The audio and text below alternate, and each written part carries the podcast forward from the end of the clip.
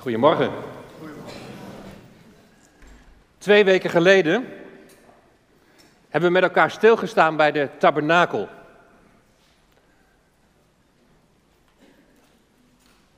En waar het om gaat bij de tabernakel is dat God onder zijn volk wil wonen. En als je dan ziet dat alle aspecten, dat alle onderdelen van die tabernakel heen wijzen naar Jezus de Messias, dan is het duidelijk dat God ons wil ontmoeten in Hem. Door Hem. Jezus is de weg, de waarheid en het leven. Niemand komt tot de Vader dan door Hem. En er is één aspect van die tabernakel dat we vanmorgen uitgebreider gaan belichten, namelijk het reukofferaltaar. En dat doen we aan de hand van het thema aanbidding. Vorige week heeft Lau, kaptein, gesproken over het overwinningsleven. In Christus zijn we meer dan overwinnaars. En de kern van zijn boodschap was, ten eerste, het wezenlijke is niet dat je winnaar moet worden, maar dat je overwinnaar bent in Christus. En het tweede wat hij genoemd heeft was, je bent niet met de boze in gevecht om die te overwinnen, maar je strijdt vanuit de overwinning in Christus. Met de nadruk op in Christus, in Hem. Waar het om gaat is dat je in Christus overwinnaar bent en dat je in Hem de overwinning al hebt behaald. Nou, dat klinkt allemaal goed, toch? Het reukofferaltaar, onze aanbidding tot God, maar hoe doe ik dat? Hoe ziet die aanbidding er dan uit in de praktijk van mijn dagelijks leven? Het klinkt goed dat ik overwinnaar ben, maar is dat alleen maar een kwestie van de theorie begrijpen en dat geloven? Ik wil die overwinning dan toch ook wel heel graag ervaren. In Romeinen 8 hebben jullie vorige week gezien dat we meer dan overwinnaars zijn in die zin dat niets ons kan scheiden van de liefde van Christus. Maar wanneer ervaar ik dan die overwinning? Of wanneer zie ik iets van die overwinning in mijn leven? Als ik te midden van de strijd in mijn leven merk dat ik meer en meer durf te vertrouwen op Jezus, door te doen wat Hij zegt, dat is een teken van in staan in de overwinning. Ik ervaar overwinning als ik vrucht draag. Als ik merk dat ik verander naar het beeld van de Heer Jezus. Als zijn karakter, zoals omschreven in Galaten 5, vers 22, als dat meer en meer mijn karakter wordt. Als iemand mij onhuis bejegent en ik hem dan toch heel vriendelijk benader. Die verandering ervaren, dat is overwinning ervaren. Ik ervaar overwinning als ik kracht ervaar om verleidingen te weerstaan. Als ik merk dat de lust om verleiding, om aan verleiding toe te geven, als die er niet meer is. Maar hoe wordt nu die brug geslagen van wat wij geloven naar de dagelijkse praktijk van ons leven?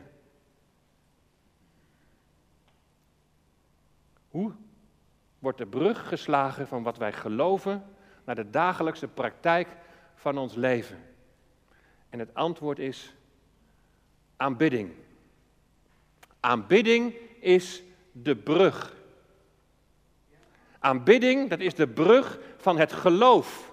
Dat je in Christus meer dan overwinnaar bent, naar het in je dagelijks leven, in de praktijk van je leven ervaren, dat je in die overwinning staat. Aan de hand van Psalm 95 zullen we daar samen over na gaan denken. Zullen we samen gaan bidden voordat we het woord openen? Trouwe God, Hemelse Vader, we komen tot u om u te danken voor dit moment dat we uw woord mogen openen. Heer, we staan open om van u te ontvangen. Heer, spreek door uw woord en door uw geest. En dat in en door alles heen u verheerlijkt zult worden.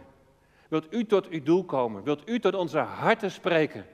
Heer, we staan open om te ontvangen de rijkdom van uw genade, uw boodschap van leven. Heer, kom tot uw doel en zegent u ons daarin. In Jezus' naam. Amen. Psalm 95.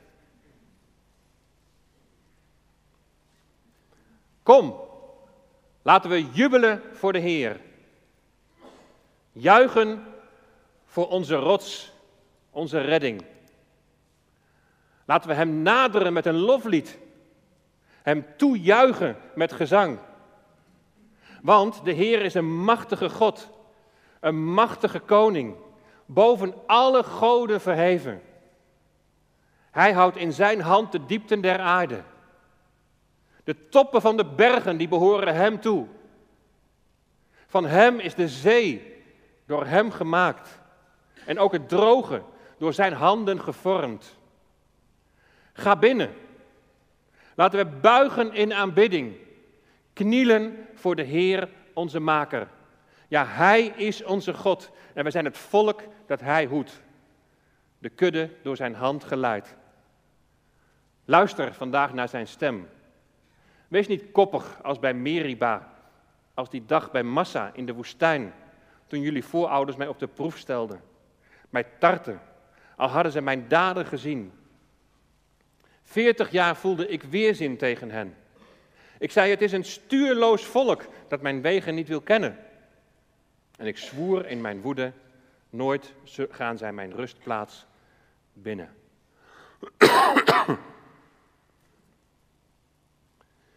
Psalm 95 spreekt van jubelen en juichen. Er komen emoties los. Het Hebreeuwse woord voor jubelen in vers 1, dat kun je ook vertalen met overwinnen. Het is als het ware een uitbarsten in vreugde in het besef dat jij aan de kant staat van de overwinnaar. Vorige week is dat besef flink aangewakkerd. Maar de vraag is, ervaar jij die overwinning? Het Hebreeuwse woord voor juichen in datzelfde vers kun je ook vertalen met een, een strijdkreet of een overwinningskreet aanheffen. Jubelen en juichen. De overwinning, de overwinningskreet aanheffen. En dan die uitdrukking rots. De rots van onze redding. Nou, de rots is een typisch Oosterse uitdrukking. En is een uitdrukking voor die woorden betrouwbaarheid, stabiliteit en permanente aanwezigheid. Nou, neem dat nou alles in samen. Wij jubelen en wij juichen, we heffen de overwinningskreet aan voor de Heer die betrouwbaar is, die ons fundament is, die permanent bij ons aanwezig is. Zo zie je direct al dat het jubelen en juichen niet zomaar op zich staat, maar dat het een fundament heeft in Hem. Maar is dat jubelen en dat juichen, is dat niet een beetje cultuurbepaald? Zeggen wij niet al gauw, ja, maar het gaat wel om je innerlijk. Niet zozeer om het uiterlijke jubelen en juichen. Gaat dat niet een beetje te ver voor ons nuchtere Nederlanders? En gaat dat niet een beetje te ver voor ons nuchtere baptisten? Moet je daarvoor niet in wat meer charismatische kringen zijn? In het jubelen en juichen, daar toon je emoties. Ja, we kunnen dat wel in stadions, hè, als een bal het net raakt, maar in de kerk. En is dat nou zo nodig, dat, dat jubelen en dat juichen? Is dat nou zo nodig, hè? het tonen van je gevoelens? En, en wat heeft dat dan met aanbidding te maken? Nou, een hele goede vraag. En daarom gaan we eerst gewoon met elkaar eens kijken van wat is nou eigenlijk aanbidding? We gebruiken dit woord aanbidding heel vaak in relatie tot het zingen. Nou, zingen kan een vorm van aanbidding zijn. Het is een onderdeel van aanbidding en het kan, hoeft niet. Je kunt aanbiddingsliederen zingen zonder dat het aanbidding is. Maar wat is aanbidding dan wel? Aanbidding, dat betekent werkelijk voor iemand neerbuigen uit respect en eerbied. En wat aanbidding betreft, is de vraag: voor wie buig jij neer. En dat heeft niet alleen betrekking op zingen, maar dat heeft betrekking op je hele leven. Voor wie buig jij neer? En weet je, deze vraag die kan zo verschillend bij ons binnenkomen. En dat heeft heel veel, zo niet alles te maken met ons godsbeeld. Wie is God voor jou? Is hij de, de vragende, de eisende God? Er ligt in het neerbuigen, ligt daar voor jou iets van onderwerpen in de zin van nu gaat God van alles van mij vragen? En is het iedere keer weer een frustratie omdat je niet aan zijn eis kunt voldoen? Of is hij voor jou de gevende God? God heeft zijn zoon gegeven. Hij heeft genade geschonken. En je hebt niets aan je redding kunnen bijdragen. Hij heeft zijn geest aan je gegeven. Is hij de vragende, de eisende God? Of is hij de gevende God? Nou, je moet vragen en geven niet tegen elkaar uitspelen. Maar het, is, het gaat om de volgorde. Allereerst is God een gevende God. En wij kunnen niets geven als wij niet eerst hebben ontvangen. Je moet eerst inademen, van God ontvangen. En dan kun je uitademen. En dan kun je weer aan God teruggeven. Hij geeft eerst en dan, dan vraagt hij. Je kunt prachtige aanbiddingsliederen zingen. Maar als jij je niet voor God neerbuigt in die zin dat je niet allereerst open staat om van Hem te ontvangen, dan is het geen aanbidding. Want je kunt alleen maar geven wat je eerst hebt ontvangen. Je kunt God lief hebben omdat Hij jou eerst heeft lief gehad. Hij geeft en dan kun jij teruggeven. Jij kunt vergeven omdat God jou eerst vergeven heeft. Aanbidding is geven wat je hebt ontvangen. En in die zin van, van het vergeven, dan zeg je ook weer Hij geeft en dan kun jij doorgeven. Teruggeven en doorgeven. Maar eerst ontvangen. Ontvangen van de gevende God. In opwekking 751, daar zongen we, Halleluja, ik geef mijn leven. Nou, dat kun je alleen maar zingen in het besef dat je leven, eeuwig leven, van God hebt ontvangen. En alleen wat je hebt ontvangen, kun je teruggeven aan die gevende God. En we zongen, u heeft mijn hart en u heeft mijn ziel. En daarmee zeg je, ik behoor u toe. U bent Heer over mijn leven. Ik sta open om van u te ontvangen. Je kunt je voor allerlei dingen openstellen en voor allerlei dingen neerbuigen. Je kunt je openstellen voor verkeerde vrienden, of verkeerde films, of verkeerde muziek. Maar weet je waar je je ook open voor kunt stellen? Je kunt je ook openstellen voor verkeerde gedachten over God. Je kunt je zelfs openstellen voor verkeerde gedachten over jezelf. Wil je overwinning ervaren? Stel je dan open voor de gevende God en buig je voor Hem neer. Dat zo dat neerbuigen ook bij je binnen zal komen. Ik wil mij neerbuigen voor die gevende God die mij genade schenkt. Er is nog iets wat ik met jullie wil delen over aanbidding. En dat heeft te maken met het Griekse woord voor aanbidding. Proskuneo. En proskuneo, dat betekent zich neerbuigen om te kussen. Je kunt het ook vertalen als kussen in bewondering. En je kijkt dan niet vol bewondering naar zijn uiterlijk, want God is immers geest. Maar je ziet op wie hij is in zijn karakter. Je overdenkt het wezen van God, wie hij is.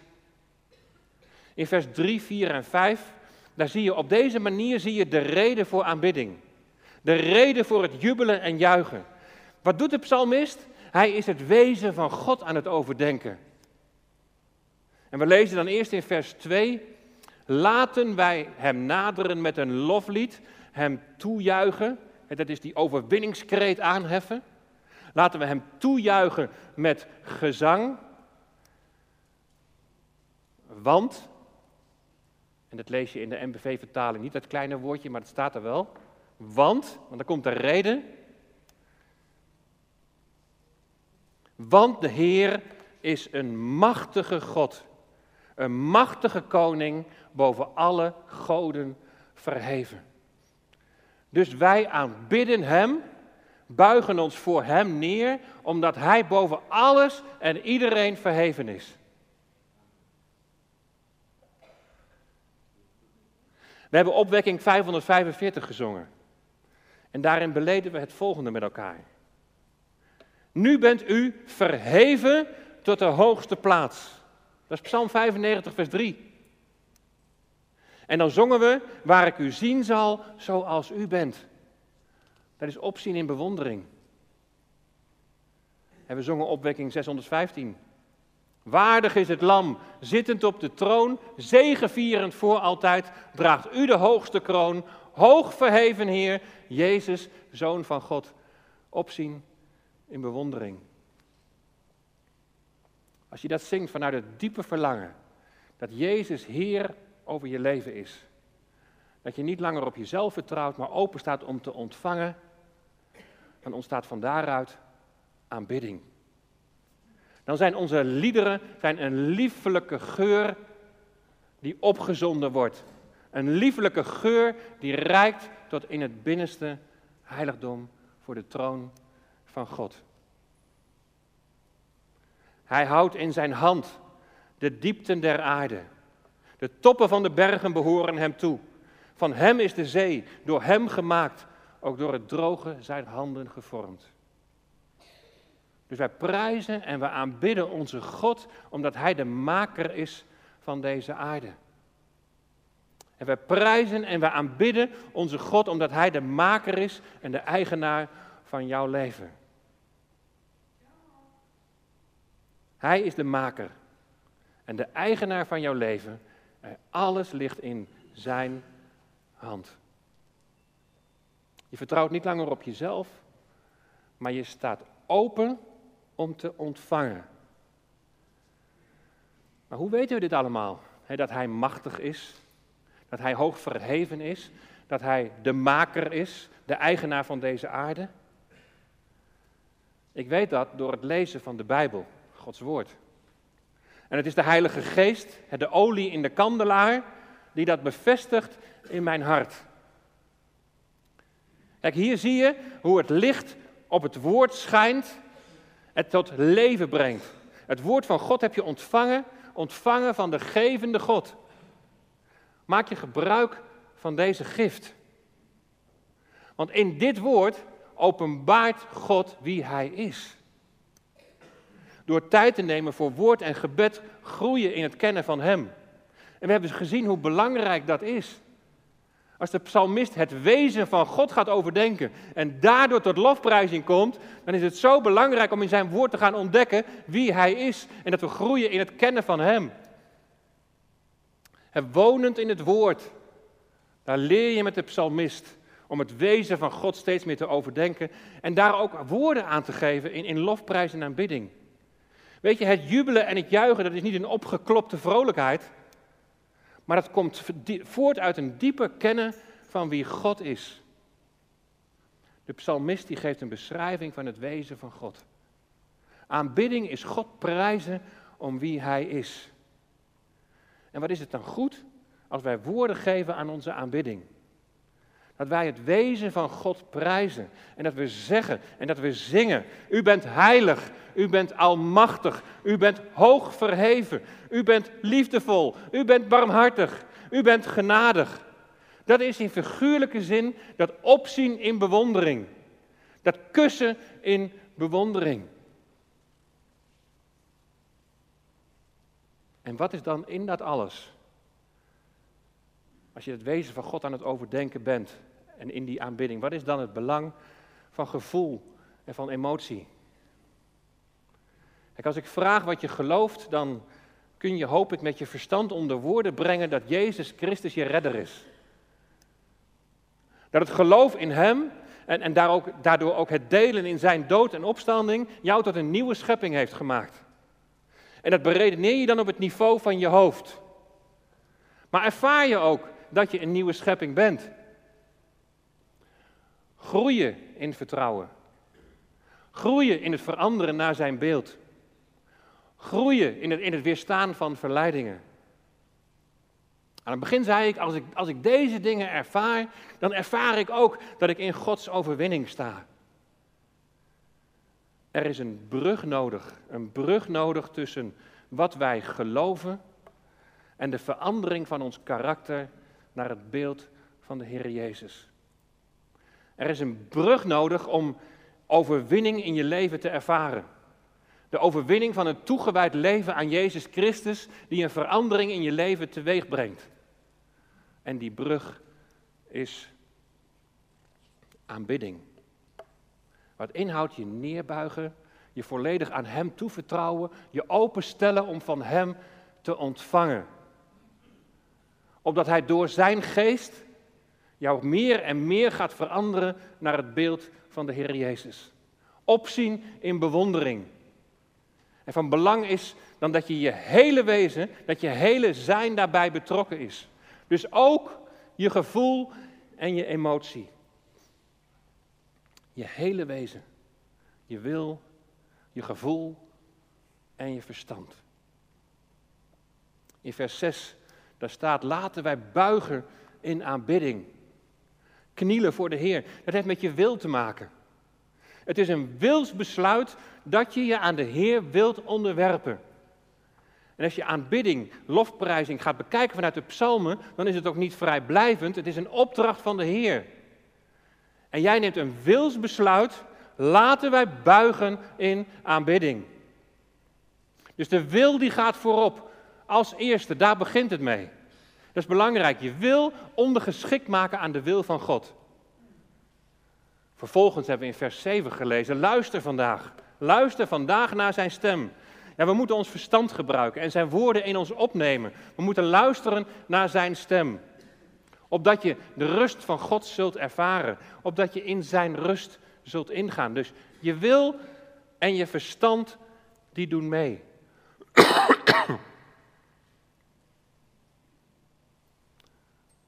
maar dan het jubelen en het juichen. Jubelen en juichen, dat kan toch onmogelijk zonder emotie. Dat heeft met je gevoel te maken. En dat zijn nogmaals geen opgeklopte emoties, maar het is een toestaan door te zien op de grootheid van God, op het wezen van God, de genadevolle, gevende God, dat Hij iets in je mag aanraken dat die emotie teweeg brengt. Dat die overwinningskreet doet aanheffen. Je staat open om te ontvangen van de gevende God. Ja, ik weet, er schuilt een groot gevaar in uitersten. Als het gaat om gevoel en emoties. En door die te benoemen wil ik laten zien waarom het belangrijk is dat je hele wezen in die aanbidding betrokken is. En dat we niet uitschieten in uitersten. Enerzijds zie je een tendens in samenkomsten dat, er heel veel nadruk ligt op beleving en gevoel maar waar het woord nauwelijks open gaat. Waar, juist het woord waarin God zich openbaart. Waarin we onder de indruk raken van wie Hij is. Is de beleving dan wel gebaseerd op een dieper kennen van het wezen van God zoals Hij in het woord geopenbaard is? Of zijn het opgeklopte emoties?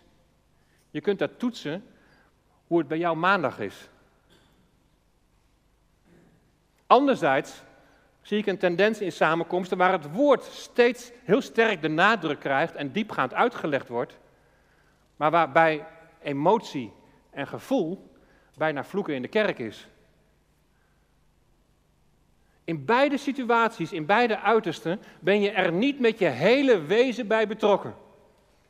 Bij de een nadruk op gevoel en bij de ander nadruk op het verstand. Aanbidding, dat vereist deelname van ons hele zijn. Wil, gevoel en verstand. En pas dan wordt ook het hart geraakt. In die balans, daar zul je, zul je overwinning gaan ervaren. Nou, kun je dan altijd jubelen en juichen? Misschien zijn er nu omstandigheden die je belemmeren in het jubelen en het juichen. Laat me een voorbeeld noemen. In Psalm 51, daar beschrijft David hoe vreselijk hij heeft gezondigd. Van jubelen en juichen is bij hem geen sprake. De emoties die nu loskomen zijn die van verdriet over wat hij heeft gedaan. Ook dat zijn emoties die God in je los kan maken. Maar dan vraagt hij in Psalm 51, vers 14: Geef mij de vreugde, de blijdschap over uw heil terug. Red mij van bloedschulden, o God. God van mijn heil, dan zal mijn tong vrolijk zingen van uw gerechtigheid. David die beleidt zijn zonde, omdat er weer ruimte komt om te kunnen jubelen en juichen.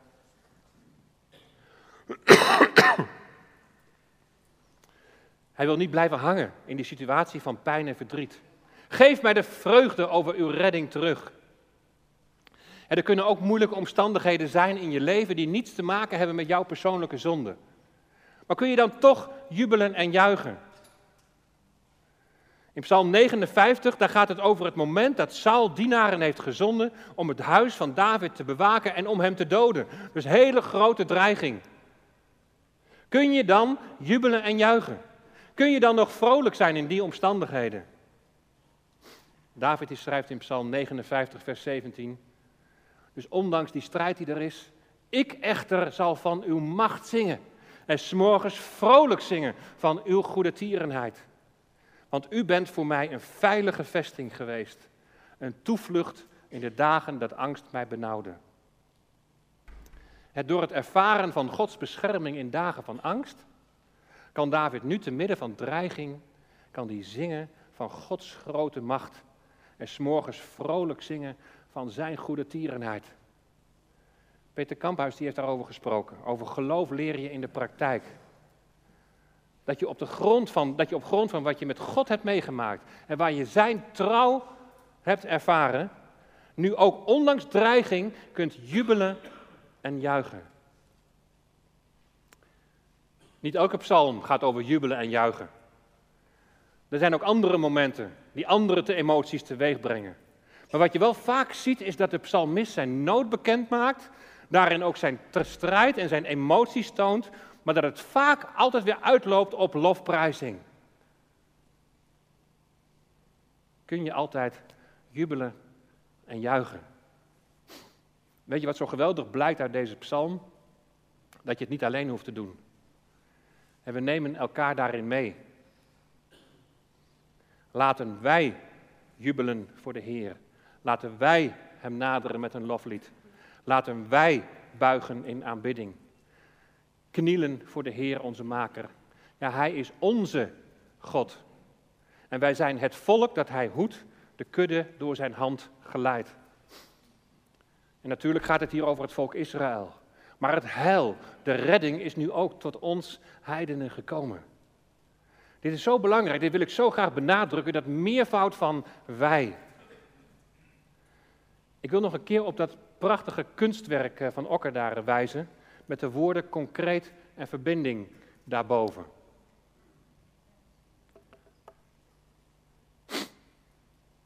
Weet je waarom dat wij zo belangrijk is? Jij hebt zicht op aspecten van Gods wezen die ik nog niet heb ontdekt, of maar deels zie. En jij ziet weer andere aspecten van Gods wezen die ik nog niet heb ontdekt, die ik nog niet heb gezien of waar ik minder oog voor heb. En ik heb ook weer dingen ontdekt die jij nog niet hebt gezien van Hem. En zo zien we met elkaar zien we de veelkleurigheid van God en wordt onze aanbidding samen wordt zoveel voller en wordt zoveel rijker. Voor het dieper kennen van God en het dieper kennen van de Heer Jezus hebben we het woord nodig.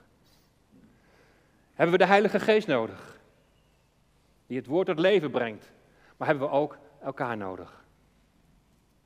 Wanneer je in je eentje probeert te groeien in het kennen van God, in het kennen van de Heer, dan zul je slechts een deel van Hem leren kennen. Aanbidding, dat is samen neerbuigen. Samen opzien in bewondering. Samen luisteren naar zijn stem. Samen je openstellen voor een gevende God.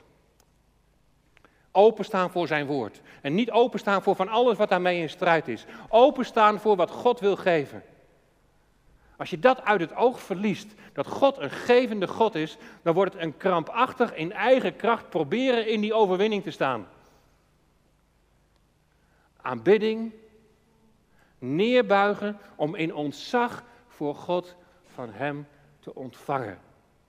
En dat is de brug van geloof naar praktijk. Voor wie buig jij je neer? Voor wie wil jij je openstellen? Dat wij eerst ontvangen om te kunnen geven, dat blijkt uit het volgende lied van aanbidding. En jullie mogen wel vast uh, plaatsnemen. Dat wij eerst ontvangen om te kunnen geven, dat blijkt uit het volgende lied van aanbidding. Jezus die kwam om ons leven te geven. Hij is de gevende God. Ik ben zo dankbaar, Heer, voor wat u heeft gedaan. En heel mijn hart aanbidt uw heilige naam. En Heer, ik houd van u, want u hield eerst van mij. Zit u eerst de gevende God die ontvangt. En van wat we ontvangen hebben, mogen we weer teruggeven aan Hem.